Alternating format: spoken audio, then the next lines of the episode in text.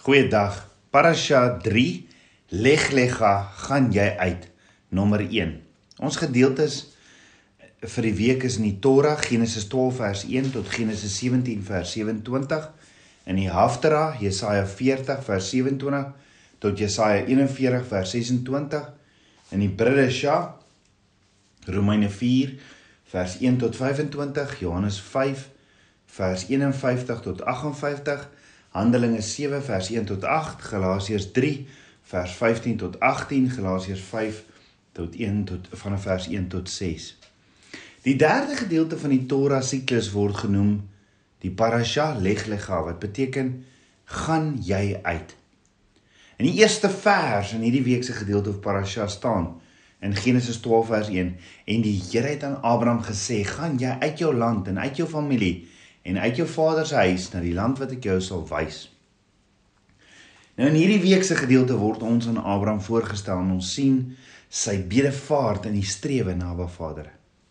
Die gedeelte in die Torah vir die week behels Genesis 12 vers 1 die oproep van Abraham. Genesis 12 vers 10 Abraham en Sarai in Egipte. Genesis 13 vers 1 Abraham en Lot se paie skei. Genesis 14 vers 1 Lot se gevangenskap en redding vers 17 Abraham geseën deur Melchisedek. Genesis 15 vers 1 Abba Vader se verbond met Abraham. Genesis 16 vers 1 die geboorte van Ismael. Genesis 17 vers 1 die teken van die verbond. Die gedeelte in die Haftara vir die week wat saam bestudeer word sien ons behels Jesaja 40 vers 1 Abba Vader se volk word getroos. Genesis ag Jesaja 41 vers 1 kinders van Israel verseker van Abba Vader se hulp. Dan die gedeeltes in die Bridesja vir die week wat ons ook saam bestudeer word sien ons behels die volgende Romeine 4 vers 1 tot 25 Abraham se geregverdig deur die geloof. Johannes 5 vers 51 tot 58 groter as ons vader Abraham. Handelinge 7 vers 1 tot 8 trek uit jou land en uit jou familie en dan Galasiërs 3 vers 15 tot 18 Abraham se saad. Hierdie week se gedeelte uit Abba Vader se woord gaan oor die roeping van Abraham. Abraham en sy broerskind wie se paie skei dit weet ons in Abraham wat vir Lot verlos. Abba Vader se verbond aan Abraham en Sarai wat Hagar vir Abraham gee en Ismael wat gebore word en Abraham se naam wat verander in hierdie en hierdie gebeur alles van Genesis 12 tot Genesis 17 in Abraham se lewe vandat hy 75 jaar oud is tot en met hy 99 jaar oud is. So die volgende week bestudeer ons saam 24 jaar van Abraham, hierdie vriend van Abba Vader se lewe.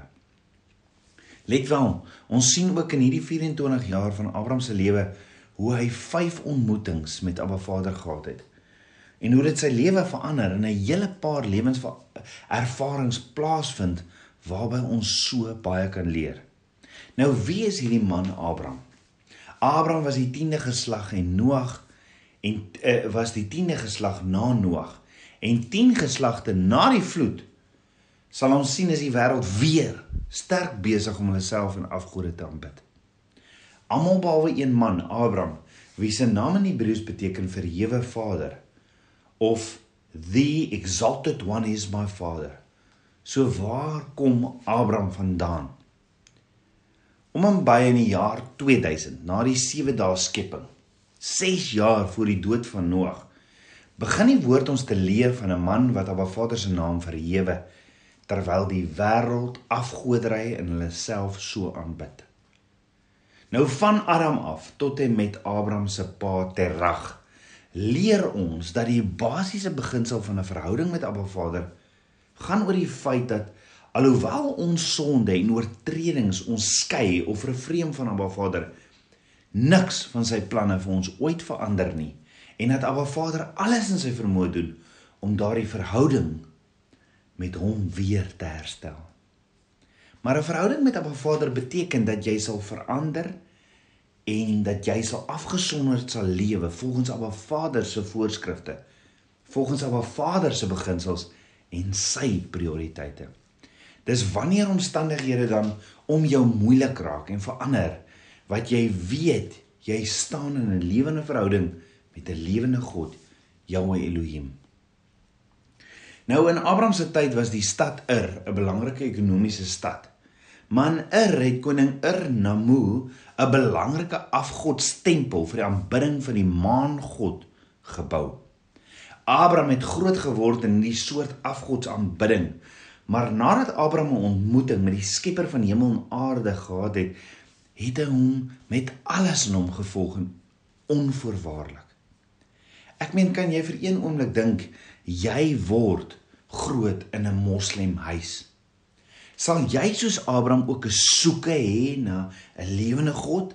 En as jy hom ontmoet, sal jy alles los en hom alleen volg, jou familie, alles? Abraham het ontdek hy kan 'n lewende verhouding hê met Jahwe Elohim wat met hom praat, wat vir hom voorsien en wat hom beskerm. Met ander woorde, Abraham het Abba Vader se stem gehoor en gedoen presies wat hy sê en geloof soos Noag. Uit Noag se seun Shem is Abraham en sy nageslag gebore. Abraham het twee broers gehad, naamlik Nahor en Haran. Haran is oorlede voordat Abraham se pa Terach Ur verlaat het. Haran het 'n seun, Lot en twee dogters, Milka en Ishka agtergelaat. Milka het 'n seun gehad met die naam van Bethuel en Bethuel was die pa van Laban waarna ons nog later gaan kyk in Genesis 24. Maar Abraham se familie wat Ur verlaat het, was sy pa Terach, sy vrou Sara, sy broer Nahor, Milka, Bethuel, Lot en Ishka. Nahor het later met sy broer se dogter Milka getrou. Maar toe hulle in 'n plek kom waar hulle wou bly, toe vernoem hulle die plek na Abraham se oorlede broer Haran. En dis ook hier waar Abraham se pa oorlede is, Genesis 11 vers 32. Nou Haran was op 'n kruispunt geleë tussen oos en wes, suid en noord. En net so het Abraham by 'n kruispunt gekom in sy lewe, want sien kruispaaie is mos deel van ons lewens. Ons almal moes al een of ander tyd in ons lewens 'n lewensveranderde besluit gemaak het. Is dit nie? Dis hier waar jy by 'n kruispunt in jou lewe kom en jy het nodig om die regte besluit te maak. Meeste van die kere as jy by so 'n kruispunt kom in jou lewe, is daar nie duidelike rigtingaanwysers of padaanwysers nie, nê? Daar's geen borde wat wys as jy hierdie kant toe gaan, is daar 'n afgrond of of die pad loop is daar dood nie. Jy sien soms as jy by so 'n kruispunt in jou lewe kom, druk die wêreld en omstandighede jou so om nou te besluit daar word nie regtig tyd gegee om daaroor te bid nie want die wêreld sê die aanbod staan net tot vanaand. Of as jy iets wil koop, sal die verkoopsagent vir jou sê daar is reeds ander mense wat ook belangstel. So teken goggo. Die keuse moet gemaak word want tyd staan nie stil nie. Met ander woorde, nou, nou moet jy kies. Ons doen dit selfs soms in ons verhoudings met mekaar en met Abba Vader. As jy by hierdie kruispunt in jou lewe kom, sou dit nie net so maklik gewees het as daar 'n padkaart was wat vir jou presies wys wat jy volgende moet doen nie. So kruispaaie is deel van die lewe en die vraag is staan jy tans soos Abraham dalk by 'n kruispunt in jou lewe? Want sien Abraham en sy familie bly in Haran en die volgende oomblik praat Abba Vader met Abraham en sê in Genesis 12 vers 1 tot 2 gaan jy uit jou land en uit jou familie en uit jou vader se huis na die land wat ek jou sal wys en ek sal jou 'n groot nasie maak en jou seën en jou naam so groot maak dat jy 'n seën sal wees. Jy sien in 'n verhouding met Abba Vader praat ek en jy met hom. Ons ken hom ons in alles en hy praat ook met ons. En as jy soos Abraham fyn luister na Abba Vader se stem sal hy vir jou duidelike riglyne gee van wat jy moet doen. Want Abba Vader sê in Spreuke 3 vers 6: "Ken my in al jou weë, dan sal ek jou paai gelyk maak." So Abba Vader sê vir Abraham: "Gaan jy uit jou land wat in Hebreëus beteken leglega." Leglega bestaan uit twee letters, 'n lamet en 'n kaf in die Hebreëse alfabet.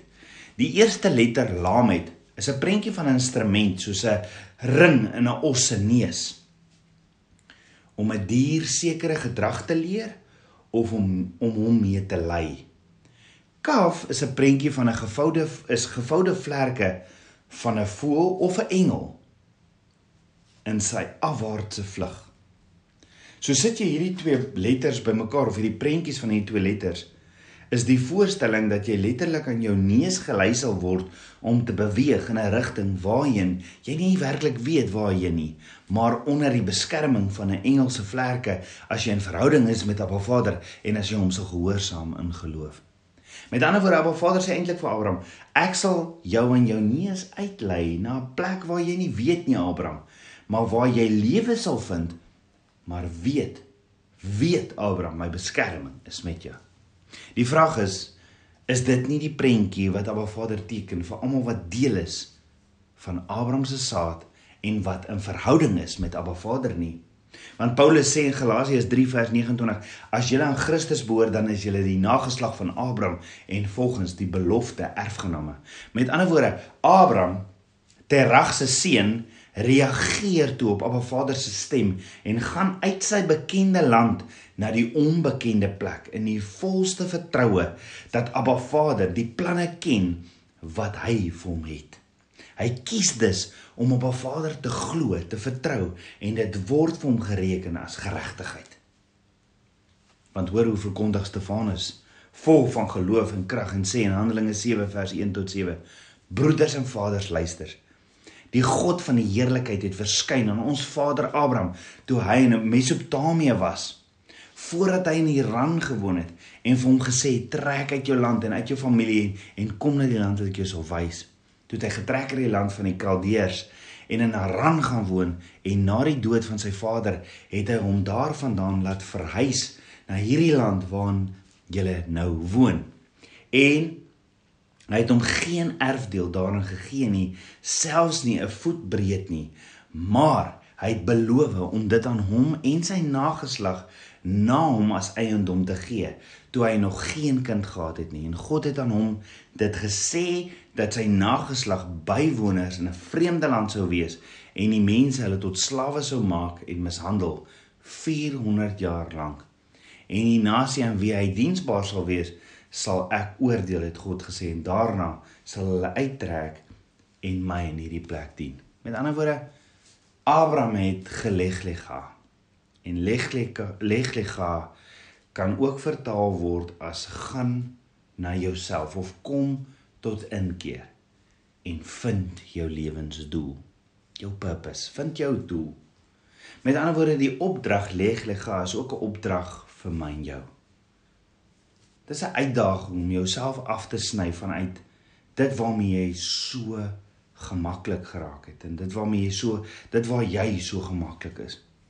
Dit is om toe te laat dat Abba Vader jou sal lei waar hy jou wil hê en om hom ten volle te vertrou.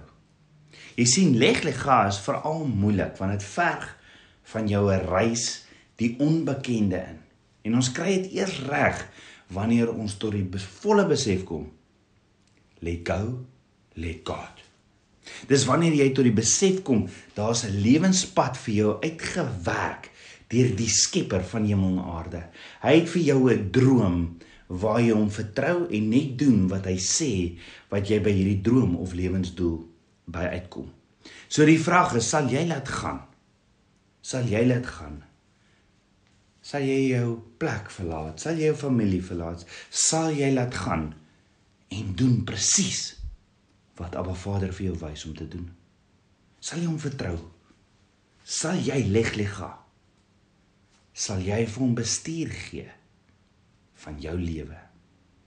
Kom ons bid saam. Abba Vader skepper van my hart skepper van hemel en aarde. Vader ek loof en ek prys U Vader, vergewe my dat ek vashou aan die dinge wat ek nie verlos nie.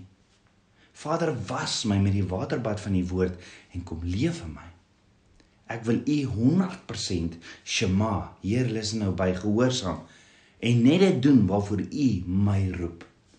Vader, ek sal op U stem leg lega. Want U is my pottebakker en ek net die klei. Ek bid dit alles in Yeshua, Hamasieg se naam, die seun van Jahweh. Shalom.